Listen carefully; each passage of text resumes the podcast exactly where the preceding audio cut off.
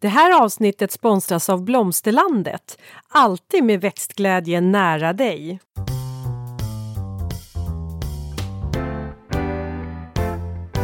Välkommen till Ulrika och Lindas trädgårdspodd och det är jag som är Linda Kjellén, trädgårdsmästare. Och det är jag som är Ulrika Levin, trädgårdsdesigner.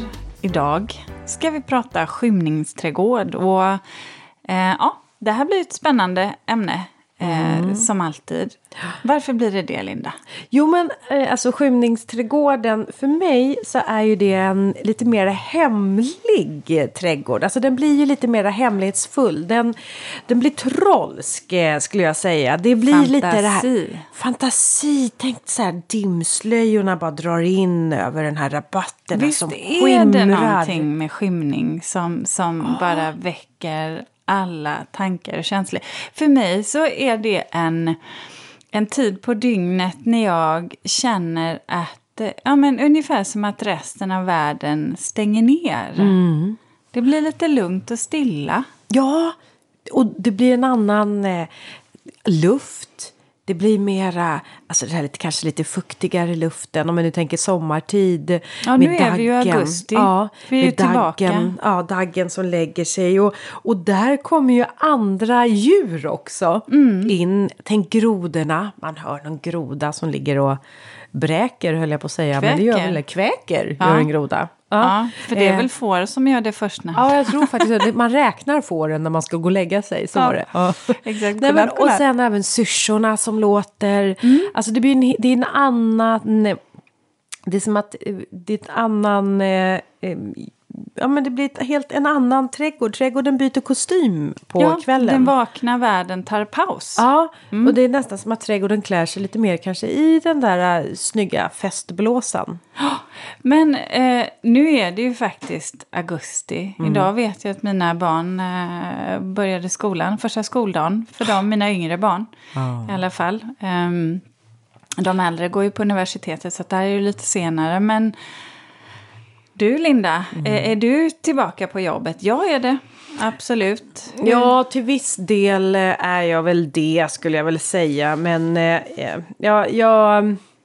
Alltså det blir ju en, ändå en, en... Vi är fortfarande mitt inne i liksom, trädgårdssäsongen och slutet av. Det är mycket nu med skördetid, det är mina planteringar, alla mina dahlior blommar för fullt. Och det är mycket nu för min del handlar det om eh, också dokumentera mm. det som händer i trädgården. Har inte du en hel del också så här fototillfällen jo. och sånt som ska göras för mm. nästkommande år? Mm. Mycket mm. foton är det och sådär. Så att det är, för mig är det ju, är det ju en, det är ganska roligt. Det, på något sätt så handlar det ju om att jag skördar både frukterna av det jag odlat men också även eh, rent alltså arbetsmässigt, precis som vi pratade om, fotografering, att jag, jag liksom skördar på många plan, gör jag mm. nog. Men har du Så varit ledig då? Ja, men jag ja. har fått lite ledigt. Alltså, eh, ja, men jag har fått ledigt eh, till viss del. Men det är väl det där med, vi, herregud, vi, har ju, vi håller ju på och bygger upp ett nytt hem.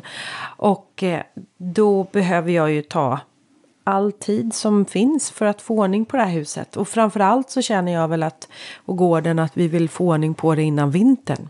Mm. Det är som att vi måste bärga det hela innan vintern kommer. Mm, ja, jag fattar. Jag förstår precis hur du menar. Mm. mm. Eh, men eh, jo, men du vet vad jag tänkte på när det gäller just eh, skymningsträdgård. Det är ju också faktiskt det är så här, en stor anledning som jag tycker att man ska satsa på åtminstone ha någon rabatt som är lite extra vacker i skymningen. Det är ju för att nu går vi tillbaks till att börja jobba kanske då på dagtid och då är vi borta från våra trädgårdar. Men mm. skapar vi då en skymningsrabatt då har vi också skapat en trädgård eller en rabatt som är vacker när vi kommer hem. Så man kan sitta länge vid och Ja, de här sista hösten, innan det blir för kallt. Ja, mm. menar hela nu, slutet på augusti, hela september. Mm. Men, men just så här att man har en rabatt som är vacker nattetid eller kvällstid. Mm. Om vi nu har lämnat vår trädgård och är borta på jobb på dagarna. Så har vi då en, en trädgård som fungerar på natten och på mm. kvällen. Mm. Men du Linda, ja. så här, om, om, man ska väl riktigt frank, det här med, med skymningsträdgård eller månskensträdgård om vi ska, ska använda det epitetet. På ett sätt så kan jag ju någonstans tycka så här att ja, men herregud, alla trädgårdar är ju en skymningsträdgård. För alla trädgårdar upplever ju skymning varje dag. Mm. Precis som vi människor gör. Så, så kan man ens... Vad ska man lägga in i det här begreppet månskensträdgård? Ja, men I en månskensträdgård så har man ju ändå valt växter som har de här färgerna. Om de är grå, skimrande, vita som reflekterar ljuset. Som lyser upp på kvällen. Vi har ju haft våra färgavsnitt och då har vi bland annat haft eh, färgen rött.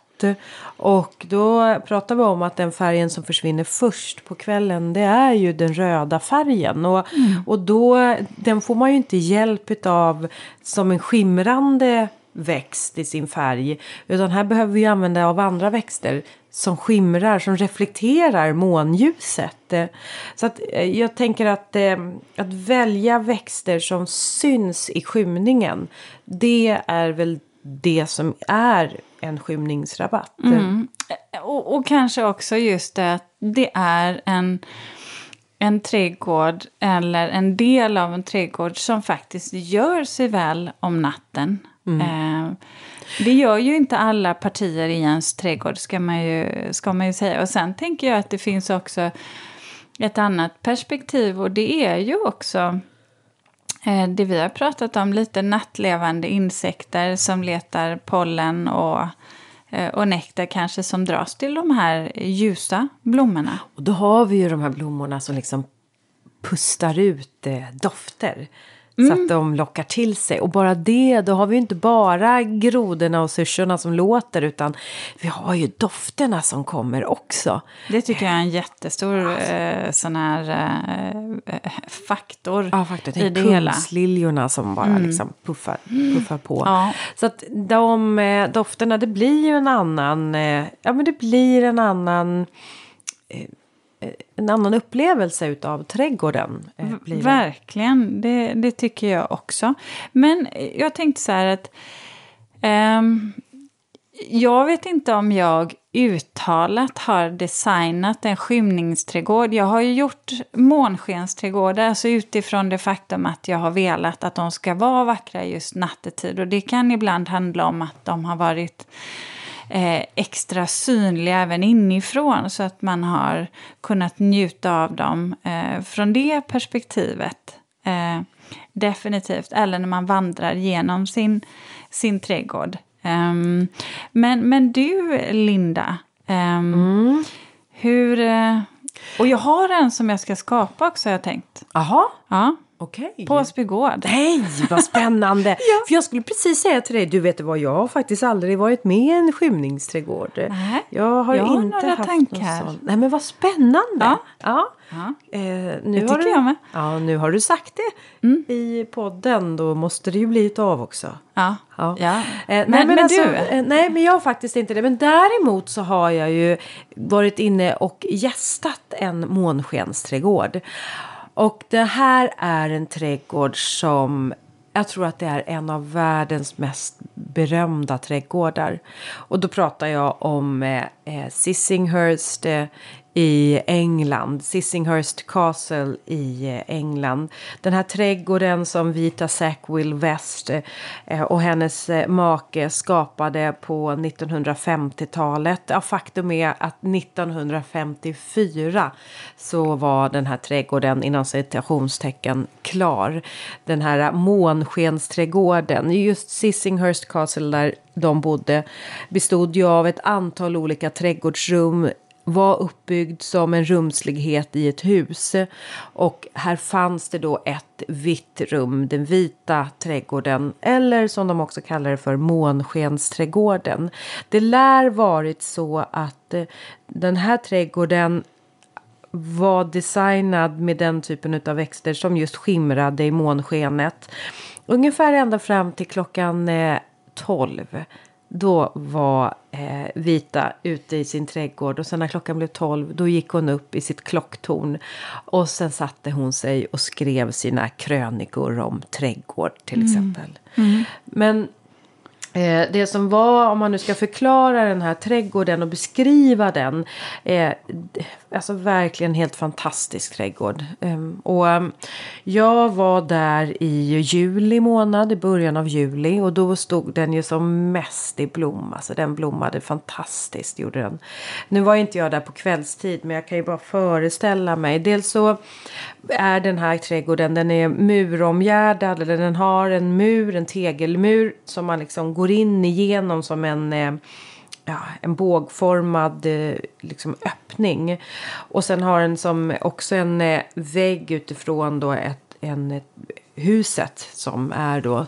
Och sen har den två grönskande väggar, en bland annat av idegran. Så att det här är verkligen ett skönt rum att kliva in i.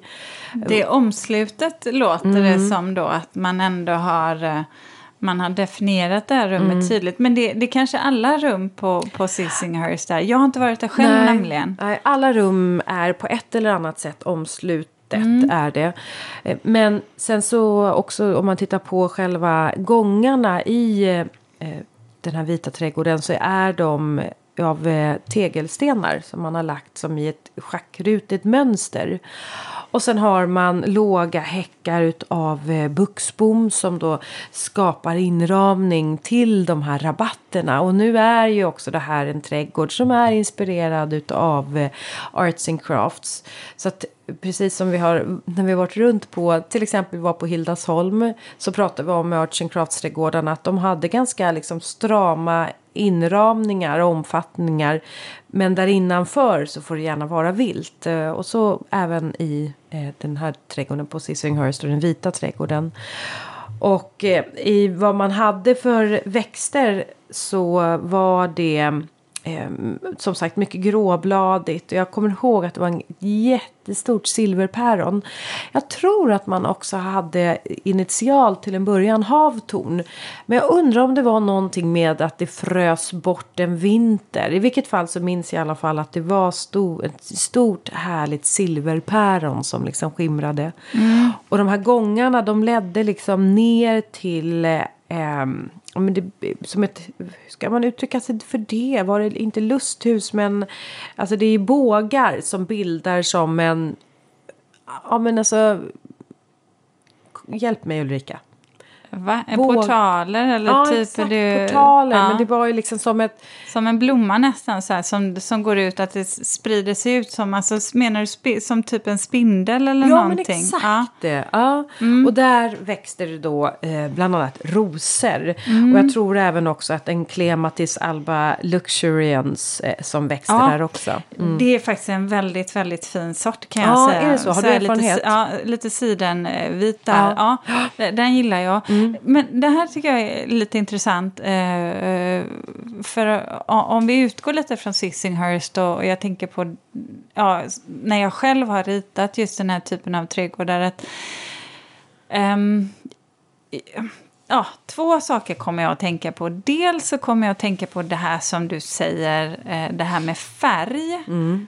Att det är eh, att du pratar om sånt som är, har lite silvrigt bladverk, lite gråskimrande och kanske vita vita blommor. Eh, också ljus, ljusa, ljusa pasteller. pasteller. Ljusblått, ja. ljusrosa, absolut. Men rött och gult, det kanske blir lite för mycket energi och alldeles för så här kraftfulla färger. Det gör sig inte så bra Nej, i mörker. Sen Nej. kan jag tycka att det också är fint att ha Eh, du vet, de här lite mörkgröna ibland fondväggarna, alltså mörk idegran vet mm. du, kan ju vara vrålsnyggt eller lagerhäggen. Och sen har du något som är silverskimrande eller vitt för att då då kommer det här bli lite mer dämpat och sen så kommer då de här ljusa lyftas, eh, ljusa färgerna lyftas fram på ett annat sätt. Men det som jag funderar på är ju så här att om man nu tänker på Sverige så är det ju ändå ganska stor skillnad.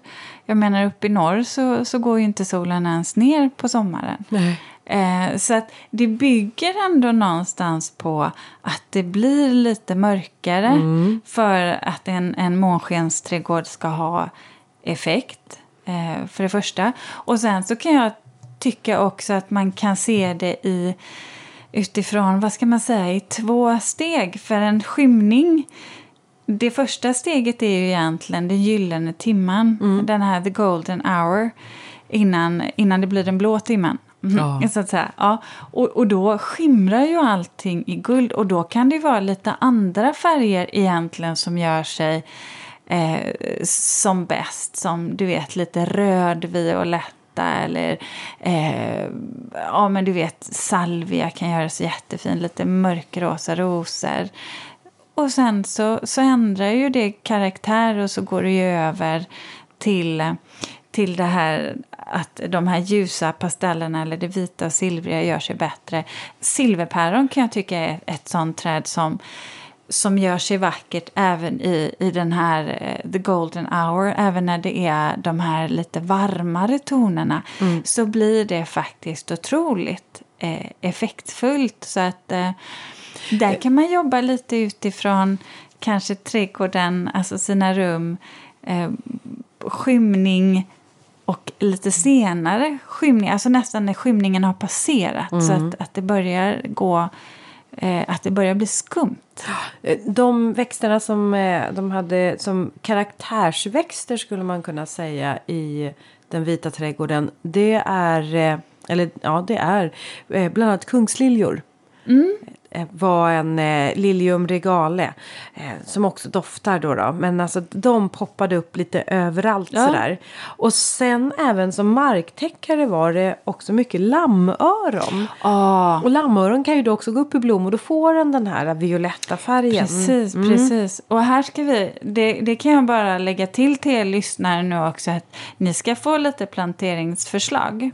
Ehm, Håll ut! ja, håll ut, för det kommer. då Stay kan jag, tuned, Då kan jag säga att lammöron är definitivt med på Med. min lista. Ja. Eh, en växt där som jag tänker på när du säger doft, Mm. eh, som jag eh, tycker, det är ju trädgårdsnattviolen. Just Alba. det. Ja. Eh, den, den vita sorten där. Och den, har vi sparat på att prata om Ja. tills det här avsnittet. Vi har ju Precis. haft tidigare avsnitt som sagt om doftande trädgårdar. Men då har Mm. sagt att vi håller på den. För den vill vi verkligen lyfta i just en skymningsträdgård. Ja, ja blommar ju i, i maj, juni. Eh, och den tycker jag är, är supertrevlig och kanske börja med. Eh, och sedan så kan man då ta kungsliljan. Eh, som kommer lite senare. Eh, för det där återigen doften som vi har konstaterat nu flera gånger sitter ju väldigt nära vårt eh, minnescentrum i hjärnan vilket gör att vi kopplar många av våra minnen, minnen är ihopkopplade med doft. Och det är därför jag, eh, jag ja, som jag tror faktiskt att det här med att våra de här känslorna, vår upplevelse av utomhusmiljöer kan vara så starka. För det är ofta, eh, det är ofta olika dofter, som, precis som du var inne på, som samspelar där. Men någonting som jag tänkte på också då, det var ju det här när du, när du pratade med Sissinghurst och som jag också har tänkt på när jag har ritat trädgårdar. Eh, det är att, att man, jag tycker att man behöver ha en hyfsad öppen yta mot himlen. Man kan, precis som du har, som du sa, det här, du vet att man beskriver, man kan ha ett silverpäron, kanske uppstammat då så att det, det är liksom lite mer formklippt, eh, så man kan passera under det. Man kan ha gärna portaler eller spindlar som går ut eller spaljer där man, där man får de här eh, vackra eh, blomningarna i de här ljusa, eh, man ljusa måste- färgerna. Men, Men man kanske måste inte... ha, låta himlen vara fri Ja. för annars får du ju inte in Nej. månskenet eller Nej, ljuset. jag tror att du blir om du ska jobba med, om du har för täta trädkronor så blir det för mörkt för fort. Plus att många av de här växterna som har de här silvriga bladverken i alla fall, ska man få en riktig effektfull månskensträdgård, då behöver man ha ett hyfsat soligt läge skulle jag vilja påstå. Eller sol till halvskugga. Det kan ju vara skiftande beroende på var man har det. Men du, då kommer vi in på det här med belysning. Ja, ska vi ta det? Ja, ska vi ta det? Eh, hur är det egentligen? Tycker vi, vad tycker du om att ha belysning i en månskensrabatt? Eh, eh, är det något som, eh, eller är det liksom själva grejen med en månskensrabatt att man just har månskenet eller Ja. eh, skymningsrabatten? Och är det då så att ett ljus lite förstör Ja, jag tycker, ja, vet du vad, spontant skulle jag säga Nej, jag tycker inte man ska ha en ljussatt månskensträdgård för då har du lite tagit bort poängen av det. För du kan inte få, du kan inte få den här nyansen som du är ute efter eh, med när du har artificiellt ljus. Nej. Absolut, du kan ju ha liksom, tända, eh, ja men du vet, levande ljus. Men då får du ju inte den här kalla nyansen så man vill ha en månskensträdgård. Du vill ju uppleva de här vita nyanserna. Har du ett stearinljus till exempel, en lykta, då har du ju det här varma skenet. Och det kanske jag skulle sätta lite närmare huset, men, men skulle jag vilja uppleva månskensträdgården på det sättet som det är tänkt, ja, men då, då är det som sagt då ska man inte, inte ljussätta den. Nej. Och då är det ju så här att en sån trädgård när det blir riktigt mörk, lite beroende på vart i Sverige man bor då, när det blir riktigt mörkt då ligger ju den Eh, delen i, i mörker. Så här i augusti så är det ju ändå så att, att det blir en annan typ av mörker än vad du har i slutet på juni. Mm. Men visst, absolut. Om man nu har en belysning som går på. Du kanske kan ha ett kallt ljus i belysningen. Eh, men också att du får till det där skuggspelet. För skuggspelet är ju också en viktig del i en eh, månskensrabatt. Mm. Men jag håller med om, jag är precis enig med dig där. Att jag tycker nog att det är det blir ju för... Eh, jag skulle säga att en månskensrabatt för min del så upplever jag att den ska ju vara det här, det här att det sveper in ja. daggen och eh, kanske att det kommer in den där dimslöjan. Det här lite liksom, kalla. Ja, att det mm. väver in det. Och har man då belysning då är det ju lite som att du highlightar, du lägger spotlights mm. på någonting. Det och blir då, något annat. Det blir ett annat. Mm. Så det är inte vad vi kanske egentligen tänker på när du och jag pratar om skymningsrabatt så är inte det en belyst rabatt. Nej, och det är ju som vi pratar i månsken och sen så är det ju naturligtvis så en molnig dag eller molnig kväll så, så är det inte lika effektfullt som, som om det vore fullt månsken. Självklart. Och har man nu bara en liten trädgård så är det klart att behöver man ha det eh, upplyst för att kunna ta sig fram? Ja, naturligtvis. Men om man verkligen ska få, få effekten mm. av en skymningsträdgård, en riktig månskensträdgård, så just där skulle jag avstå mm. från, från någon typ av av belysning faktiskt. Mm. Men tycker du att den alltid måste vara inramad då? Eh, måste man ha men... den avdelad eller ska den vandra ut i landskapet? Kan perspektiven vara sådana? Nej, men alltså, jag tror att en, eh, den här typen av rabatt kom, gör sig nog mer till sin rätt om den får ha en fondvägg. Där den får eh, eh, lyftas fram framför. Och det skulle jag nog säga att de allra flesta rabatterna gör sig väldigt bra med hjälp av fondväggar. Eh, för att det, ja men fondväggarna de lyfter fram dem, de får vila emot de här fondväggarna. Och på Sissinghurst där hade de ju då bland annat den här idegranen och också buxbomsparterrerna. Eh, så att eh, jag tror på eh, en, en inramning. Ja, ja, jag kan hålla med. Eh, jag kan tycka att du kanske också framförallt kan kan sätta känslan mm. tydligare. Mm. Du kan verkligen bestämma det här lite kalla nyanserna. Däremot tänker jag på det här om man tänker skymningen tidigt där du har eh, den gyllene timman, the golden mm. hour. Där kan det vara otroligt vackert och, och mm. låta blicken eh, vandra vidare ut i landskapet om man har det. Yeah. Bor man i en urban miljö så är det ju, jag menar, ja, gör den omsluten mm. då. Det mm. blir ju ändå lite mer privat. Det vill ja. man ju oftast ha i, i sin, sin, sin trädgård i, när man bor i en stadsmiljö. Mm. Så det tycker jag nog. Det, det, är lättare att, det är lättare att skapa, eh, skapa en atmosfär och en stil ibland när man så att säga definierar att men det här, det är verkligen en månskensträdgård. Mm. Mm. Det är som en tavla på väggen, man ramar in den. Ja, ja. Bra sagt. Bra sagt. Bra sagt. Eh, men du, eh, lite växter. Ska vi gå in på, på växter? Aha, mm. det tycker jag. Jag är nyfiken på vad du har för växtförslag. För jag har hört talas om att det ska bli någonting på Åsby. Ja, ja. Jo, men jag har faktiskt, jag har faktiskt tänkt, tänkt på det. Så här, mm. jag tycker ju att eh, absolut vita växter är ju någonstans basen.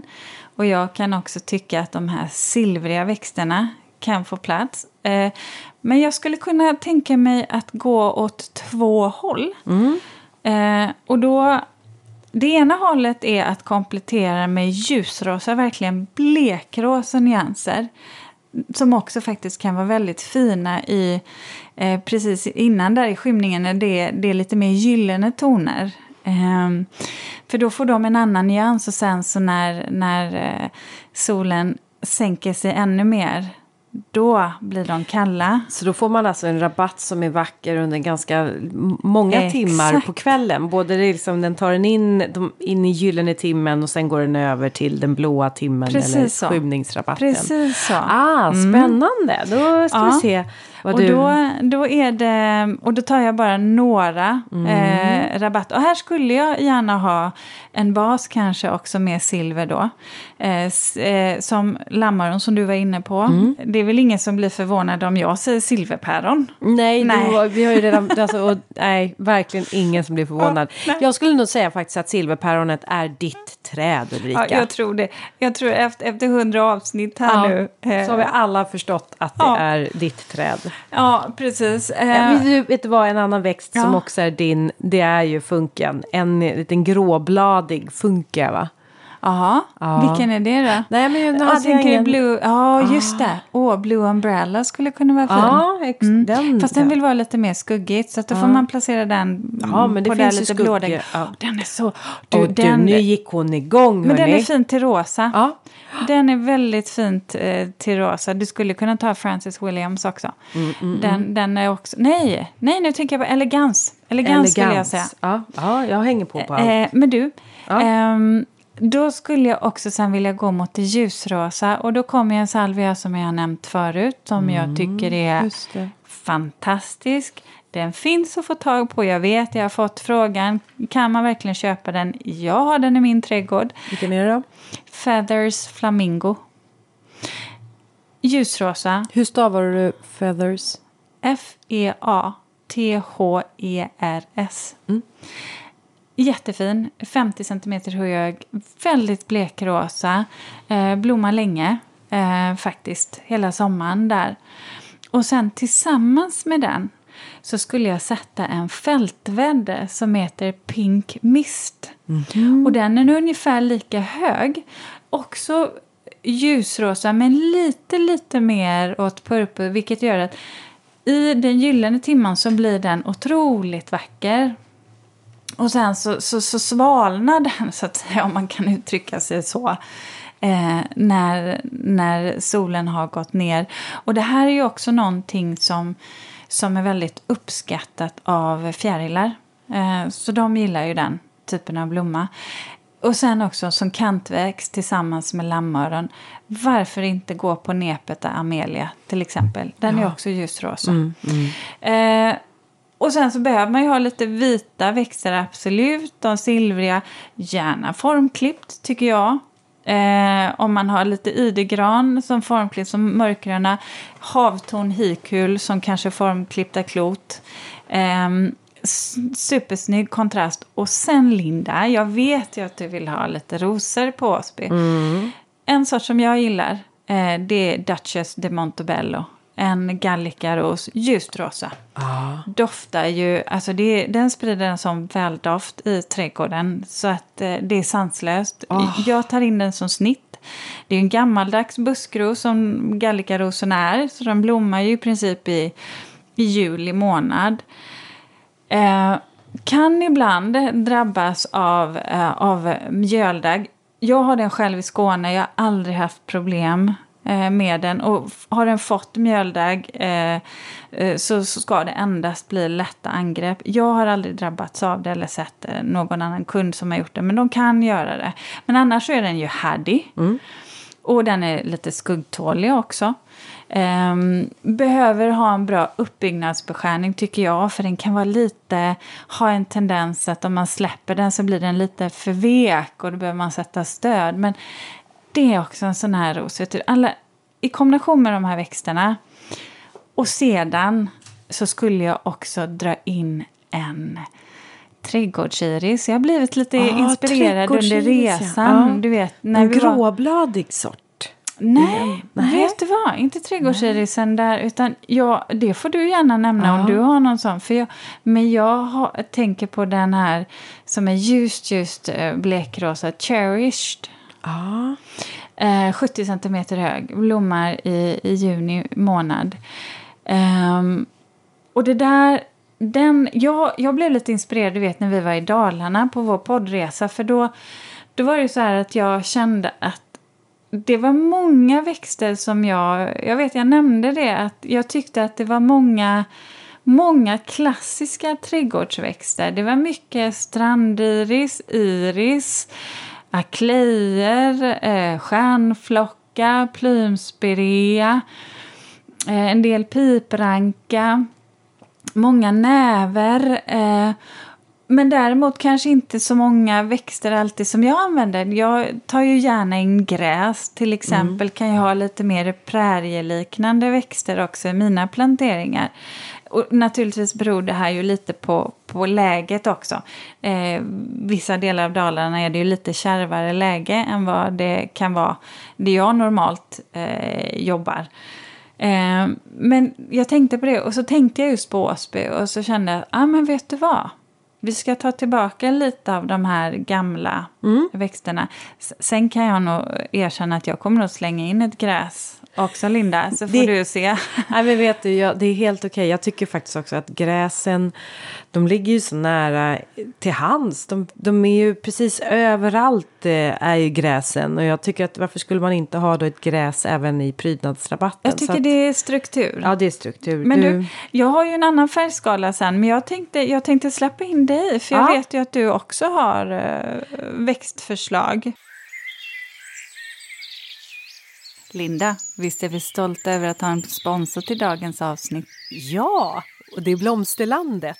En trädgårdsbutik nära dig med butiker över hela landet och en e-handel som är öppen dygnet runt. Välkommen!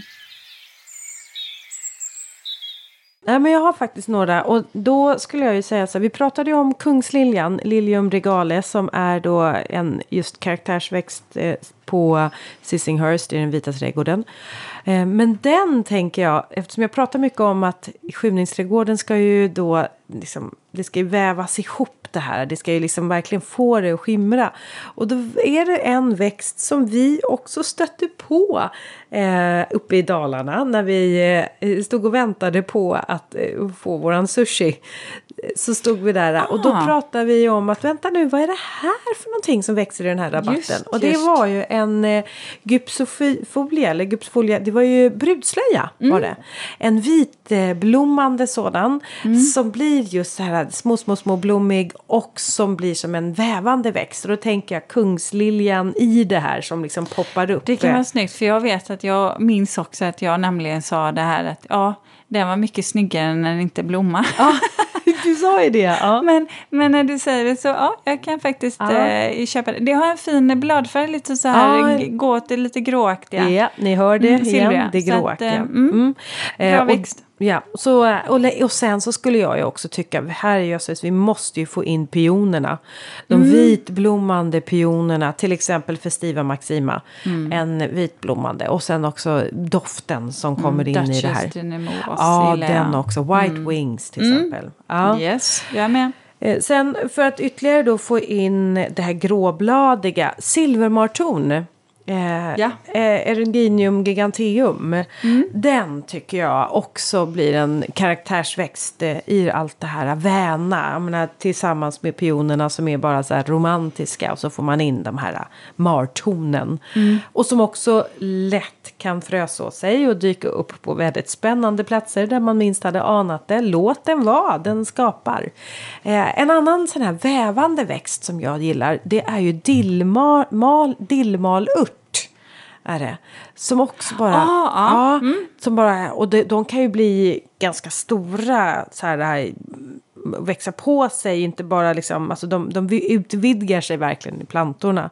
Eh, Artemisia, eh, nu ska vi se, Phil, Fil- Filifjonka. Ja, filifjonka, filifolia eller vad fan ska den ha skrivit för Jag någonting? vet här? inte. Du brukar ju aldrig slänga det med massor med Nej, jag latinska vet. namn. Varför ska du göra det precis Nej, men att när vi jag har vet att startat det är- upp efter semestern? Exakt, men det är en lyssnare som har sagt att eh, kan inte prata lite mer latin? Så nu tänkte jag Ja, att nu jo, ska jag vet du vad, göra det kan vi. Grejen är att vi pratar ju alltid latin. Jag gör det, vilket Ja. gör att jag har ju nästan lite svårt att komma på de svenska namnen. Ja. Men jag vet ju också att, att det för många, och jag, så här, jag rekommenderar alltid att man söker på det latinska namnet och sen sortnamnet för då har man störst eh, chans att få rätt. Så Mm. jobbar jag ju gentemot mina kunder. Men samtidigt så vet jag också att om man inte jobbar med latinska växtnamn eh, utan mer är eh, glad trädgårdsamatör så är det svårt. Och det är jätte, jättesvårt att höra vad vi säger och hur man också uttalar som när du säger alunrot. Dra den. Hur säger du den på latin? He- he- Heodchera. Ja, exakt. Eh, Vad säger du då? Ja, nej men det jag säger, det är inte det enklaste att stava. Skulle man bara bokstavera så blir det heusera Ja. med ch. H. Och ibland, när ska, du ha, när ska det låta som k på Ja, latin? När ska ja. Mm, det vara sh? Eh, så, så att det där är också någonting som man ska kunna. Så att vi tänker så här. Vi kör ofta de svenska namnen för att det ska underlätta och sedan kör vi sortnamn. Mm. Men eh, visst, vill du köra latinska namn Absolut så vill jag hoppa över filifjonkan. Ja, Eh, filifjonkan. Ska, Ja. ska vi gå tillbaka? Vad var det för växt du Eh, nej men det föreslog? var dillmalörten. Eh. Men om jag, jag, nu har inte jag gjort, alltså nu ska ni veta vad så här, Ulrika hon är designen, hon sätter ihop de här växtförslagen så här eh, kompositionerna. Jag, jag ger er förslag på olika sorters självlysande växter i månsken. Ja. Sen får ni själva komponera det här i spiror och knappar och eh, marktäckare och så. Men eh, en som jag definitivt känner att jag vill in med det är också höstanemon. Eh, och det är ju egentligen för att jag tycker att höstanemon är ju en eh, senblommande. Ja. Och att man då inte bara öser på allt, jag menar i, i bör, slutet på juni, början av juli, utan att vi faktiskt har något som fortsätter att blomma Ja. lite senare. Ja. Och då kan man ju också göra den sällskap med kanske en ettårig sommarblomma som skulle kunna vara en vit rosenskära. Vad heter det? Vilken höstanemon skulle du gå på? Skulle du gå på den vita? Eller? Ja, den vita skulle Ja. jag gå på. Den Honoring Gilbert, ja. ja. Mm. jag skulle göra det faktiskt. Det tycker jag med. Den, den eh, drar ju inte heller, det är ju en typ av, av höstanemon som heller inte sprider sig Nej. på det sättet som till exempel eh, robustissima kan göra. Mm, om Den- den trivs, ja. Ja, den, kan, eh, den kämpar jag med. Ja, du gör det. Ja. Ja. Jag, jag kämpar med att egentligen, i min förra trädgård så kämpade jag med att få den att trivas. Men den Åh, trivdes gud. inte. Nej, det är inget problem. Den ko- kan konkurrera ut om jag inte är eh, hård mot den. Ja, så är det. Eh, du, eh, stenkyndel är ju en annan sån växt som jag också tycker. Och den är ju så fantastisk därför att den bjuder ju verkligen in också eh, många pollinatörer. Mm. Eh, så att, ja men här hade vi faktiskt ett litet, eh, eh, litet ganska många skulle jag säga, eh, förslag på skimrande växter i månskenet. Mm. Jag, jag, jag ska dra några till, för man kan ju faktiskt gå eh, mot, om man inte går mot det ljus, eh, Rosa. rosa, kan man ju gå mot det ljusblå. Ja, oj vad spännande. Det är ju också väldigt ja. fint. Eh, och det vet jag du gillar. Och då tar jag gärna också, återigen en, en eh, favoritsalvia som jag har nämnt för. Bumble Sky. Ah, Ja. Bumble Sky. Ljust blåviolett, verkligen ljus, ljus blåviolett. Supersnygg. Eh, eh, och den här kan man faktiskt ha som kantväxt. Den blir bara 30 cm hög. Och blommar väldigt blomvillig. Älskas av eh, pollinatörerna. Så den, den är fin. Eh, sen kan jag faktiskt också tänka mig, du vet att om man skulle gå på en liten gammaldags växt. ehm, ehm, jag jobbar inte så ofta med riddarsporrar men det finns några som har lite stadigare eh, stjälkar. Eh, och då tänker jag faktiskt på en sort som heter Moonlight. Den är lite halvfylld. Ja. Och så här ljust blå violett, blåviolett, ungefär 120 centimeter hög. Juli, augusti. Mm. Där blommar ju den. Eh, och sen då så skulle man ju kunna tänka sig, du vet, en violruta. Ja. Splendid White. Ja, violrutan är ju... Mm. Kan det vara fint att ha något formklippt eller den här riddarsporren då bredvid dem för att, att violrutan, just den här sorten då som också blir ungefär 120 centimeter eh, kan ju vara lite veka. Eh, så att det, det gäller att ha någonting som stöttar upp dem då. Eh, runt omkring eh, dem. Sen kan jag då tycka att till exempel som du var inne på som på Sissinghurst att man har några portaler eller något liknande. Det, det tänker jag att du ska ha på Åsby, Linda. Mm. Mm. Eh, och då kan ju faktiskt eh, den här klematisen eh, Blue Angel som jag pratade om, som jag själv har, har haft. Mm. Mm. Eh, tillsammans, den har jag faktiskt tillsammans med Stenkyld, eller, har, hade. Hade. Vad hände då? It died. It died? It died. Oj. Ja. Men det var mitt eget fel. För Aha. jag glömde faktiskt bort att vattna och så blev det så himla torrt där. Eh, Ah. eh, och jag har, har ju haft den i kruka. Just det. Eh, Mitt eget fel. Ah, ja, ja, men sådär. Sådär är det ju. Så, så Sånt händer. Liv och Eh, död i trädgården. Så det är inte en dålig klematis Nej. som sådant. Det var Bara en glömsk, dågig eh, trädgårdsägare. Mm, så var det faktiskt. Eh, men det skulle jag också kunna tänka mig. Så ja, någonstans där Linda tänker jag Mm. att du ska. Va- Vad härligt att jag kan göra mitt jobb samtidigt som jag poddar. Eller hur? Ja. Det Ja. är ju bara två i ett och nu kan ännu flera få Åsbygårdsrabatterna. Ehm, jag tänker så här att vi har, vi har lite kommit i mål med eh, månskensträdgården. Jag, jag tycker absolut, det här är någonting som... Jag älskar att gå i den här typen av, av trädgårdar i skymningen. Jag är ju gärna uppe Och du- sent bara på grund av, av det. Ja, och du Ulrika, eh, du får lova mig att du en dag åker till Sissinghurst och besöker den här trädgården. Och kanske är så att jag får ta armkrok och bara jag måste ta med dig dit. Jag, alltså jag tänker så här, jag, jag tycker att nästa poddresa, Linda, ska, ska gå kanske utomlands. Eller vi hur? säger, vi Ja. tummar Ja. upp för att åka till England. Ja, får vi se. Ja, jag kanske vill åka tåg då. Men Ja, det får jag det. göra. Det hade jag gärna gjort. Ja. ja. Vad spännande. Ja, då, då ska jag räkna hur många dagar du jag måste ta ledigt. säga det. Hur många, många veckor blir vi För borta då? För annars så tror jag, annars så kommer inte du komma med. Vem- Vem ska ta hand om mina hästar och Ja, Och hund exakt. och- Det är många saker vi ska man läsa. Ja. och barn och hus? Eh, ja. Ja, men vi har ett Men år på oss att planera. Alla saker, vissa kan lösa sig självt, tänker jag.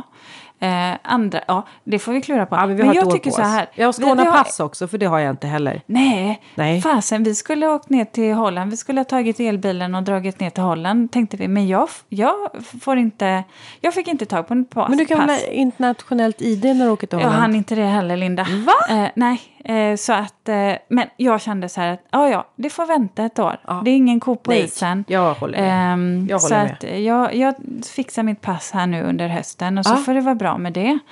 Men du, eh, jag tänkte så här. Eh, vi, eh, vi hade ju vårt jubileumsavsnitt här ehm, eh, för några avsnitt sedan, två är det väl. Och, Hundrade avsnittet. Ja. Men ja, vi hade faktiskt en fråga som jag gärna skulle vilja att du svarade på. För det handlade också om, om beskärning. Ehm, och det var faktiskt en av våra lyssnare som undrade eh, hur vi gör eh, när, ehm, eh, när man ska beskära taggiga växter. Eh, för då var frågan så här, kan man då eh, klippa bort taggarna på de grenarna som sticker ut så man inte går emot dem? Eh, hur gör man när man ska liksom ta med dem till tippen? Alltså för man lägger dem väl inte på komposten? Och, och ha, hade vi några bra tips på handskar i så fall? Och vad, jag menar, vad använder du Linda för taggiga buskar? Nej, men för det första så skulle jag vilja säga rör de taggiga buskarna så minimalt så många gånger, alltså så få gånger som du bara kan. Och ett sätt att göra det, det är ju att när jag beskär taggiga rosor till exempel, då brukar jag lägga ut en pressändning på marken. Och sen så har jag min den här äh, sekatören oftast på skaft, knipsar av den här grenen och sen så tar jag ett nytt tag med sekatören på skaft och fångar den här grenen och sen så lägger ner den på den här äh, pressändningen. Och så fortsätter jag sådär, tar dem lite i, liksom, i tapper och sen så lägger allt på pressändningen och sen när det är klart så viker jag ihop det, presenningen som ett paket. Och sen så drar jag upp det till släppkärran. Och så åker till återvinningsstationen. Så att, Och så, kan man dra av det då, eller bara skyffla av det med skyffla av spade. man, drar Ja. av, man har pressändningen kvar. Mm, så det är exakt. väl liksom ett sätt att samla det på marken på pressändning. Och Mm. försök att använda dig av verktygen som dina förlängda armar. Mm. Och eh, att investera i bra handskar, till exempel då roshandskar. Som verkligen går upp över armbågen. Ja. Är att eh, också ett Det kan jag tips. också tycka. Jag kan tycka också att man kan jobba med såna här handskar, ni vet, som nästan är som man använder som anläggare. Mm. Alltså riktiga förstärkta vantar. De håller ju också lite längre och sedan så, eh, så blir det också som sagt var, eh, man gör sig inte illa. Eh, eller sätt. också så skickar man sin man att göra det där. Och det har jag gjort med min man. Jag har så här, beskurit rosor, lagt det på släpkärran och sen så har jag beskurit annat i trädgården. Och så har jag skickat iväg honom till eh, den här eh, och tömma släpet. Och så kommer han tillbaka och så är han alldeles blodig på armarna och han blir så arg och bara, men du kunde ju sagt att du hade lagt rosor och grenar och taggar mitt ibland allt det här. Kolla här hur jag ser ut. Och vet du Ulrika, då kan man svara dem så här. Att mest kan man vara arg på att rosor har taggar. Eller också kan man glädjas åt att taggar har rosor. Mm. Men jag vet att ja. du kör den ibland och jag... eh, Du var lite, och du är som min man där och bara... ah, Jag ja, håller ja. med Jonas. Ja, du håller Så med Jonas. Jag håller med Jonas där. Jag tycker det. Det finns ju faktiskt buskar eh, och rosor utan taggar. Ja, men man ska säga så här att taggarna är och tonar är någonting som är viktigt också i den biologiska mångfalden att vi har för det är oftast där som våra småfåglar kan få skydd från rovfåglar och annat kan de in i och så de här taggarna och tonarna skyddar dem. Så att, eh, ja, tänk lite sådär, var lite, det är inte helt fel ändå att plantera in växter med tonar så att ni får småfåglarna att få skydd. Mm, och jag, då, då tänker jag väl så här, jag kan säga så här att det är faktiskt ett önskemål som många... eh, Trubbhagtorn. Ja, men ja, nej, verkligen. Jo, där man har, riskerar eh, inbrott och så här och mot... eh, mot det, det, har jag faktiskt, det har jag faktiskt varit med om och, och sagt att nej men där. Där, ehm, där det var lite tillknäppt och lite förstängt mot, eh, mot en allmänning. Där de ofta hade inbrott. De husen som låg där och så här, men vi drar upp en riktig hagtornshäck. Ja. Jag kan säga den kommer de inte forcera i första taget. Eh, Då blir det DNA-spår i sådana fall. För de Ja, kommer det skära gör sig. ont. Eh, Ja, precis. Det, det, man, då får man jobba lite för att komma igenom en sån. Men, Smart. men det är faktiskt väldigt många av mina kunder som, som tycker, som just har det som önskemål, inga taggiga växter. F- eh, just av den anledningen att de verkligen avskyr taggiga växter. Ja. Och jag kan också tycka så här, sätt inte taggiga växter som till exempel en hagtornshäck om man nu absolut måste ha det. Havtorn kan ju också, eh, eh, har ju också rejäla törner. Eh, där man har sin uteplats, är, eller där du riskerar att gå barfota. Eh, du kan få så fruktansvärt fula stickor i, i fötterna. Eh, Eh, så det kan jag tycka är en dålig idé. Men, och som sagt va, det finns ju grader i helvetet även när det gäller taggar. Eh, mer eller mindre taggiga buskar. Och är de lite avsides? Nej, men då är det inte helt galet heller faktiskt. Man eh, behöver ju då kanske tänka lite mer på sin beskärning också och vad de ska fylla för funktion och vad man har för sociala ytor bredvid. Ulrika, Ja, vi börjar närma oss slutet på avsnittet. ja faktiskt. Reflektion. Ja, jag har faktiskt eh, gått och tänkt på eh, under, under sommaren här och faktiskt under, under eh, vårens och försommarens avsnitt. Vi har ju haft, som ni säkert har märkt, eh, kära lyssnare, vi har ju faktiskt haft många avsnitt som har handlat om om hälsa, harmoni, eh, vad, vad det är i den gröna miljön, utemiljön som får oss att må bra. Och jag tänker på någon, någonting som faktiskt eh, som eh, Anneli, yogainstruktören, eh, sa.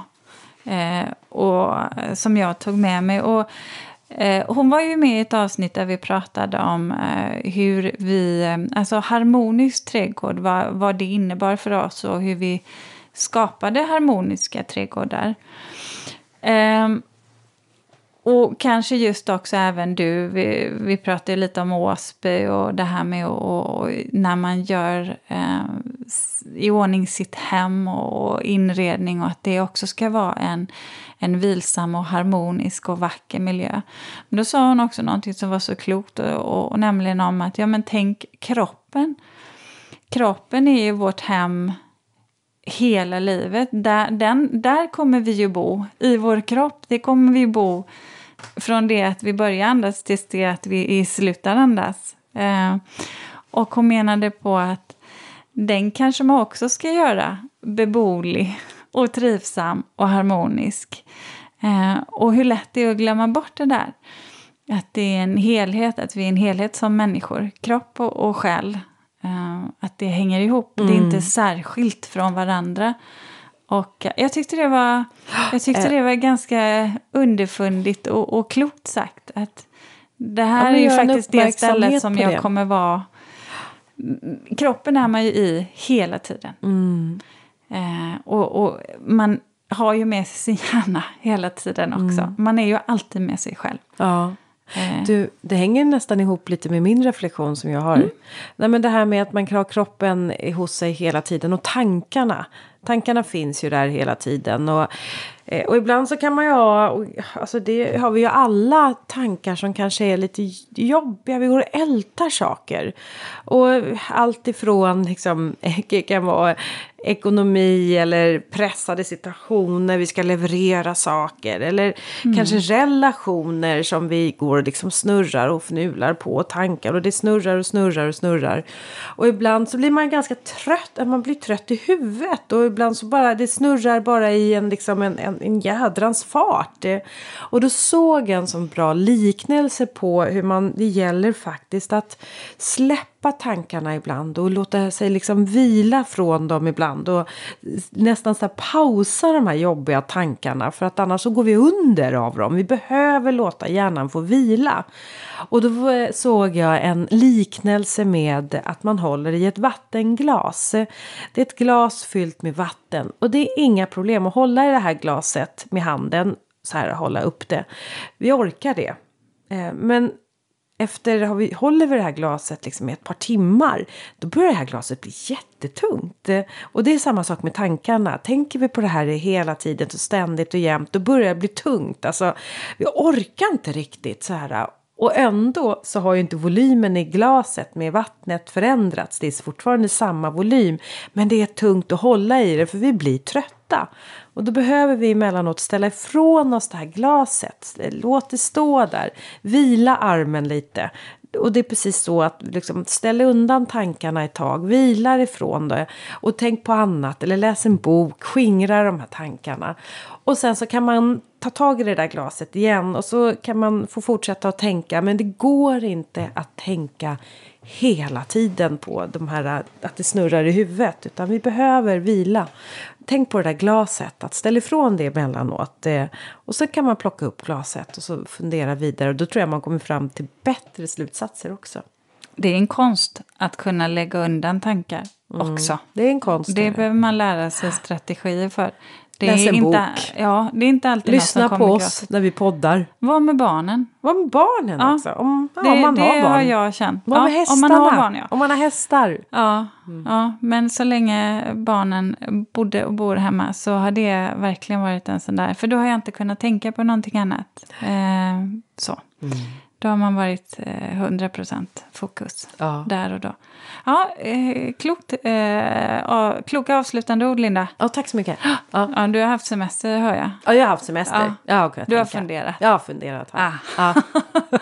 Om jag ställer ifrån mitt vattenglas eh, tack också. Tack eh, för att ni har lyssnat. Hem och skapa den där månskensträdgården nu. Gör det ja. nu. Och så hörs vi igen om en vecka. Om en vecka. Ha det bra. Hej då. Hej. Så Linda, ja. bra första avsnitt. Eh, och, den här säsongen. Ja, tog ja. oss igenom hösten, Jaha. första hösten. Och nu har vi redan bestämt att vi ska åka till eh, England. Det gick fort, hörru. Det gick fort att bestämma.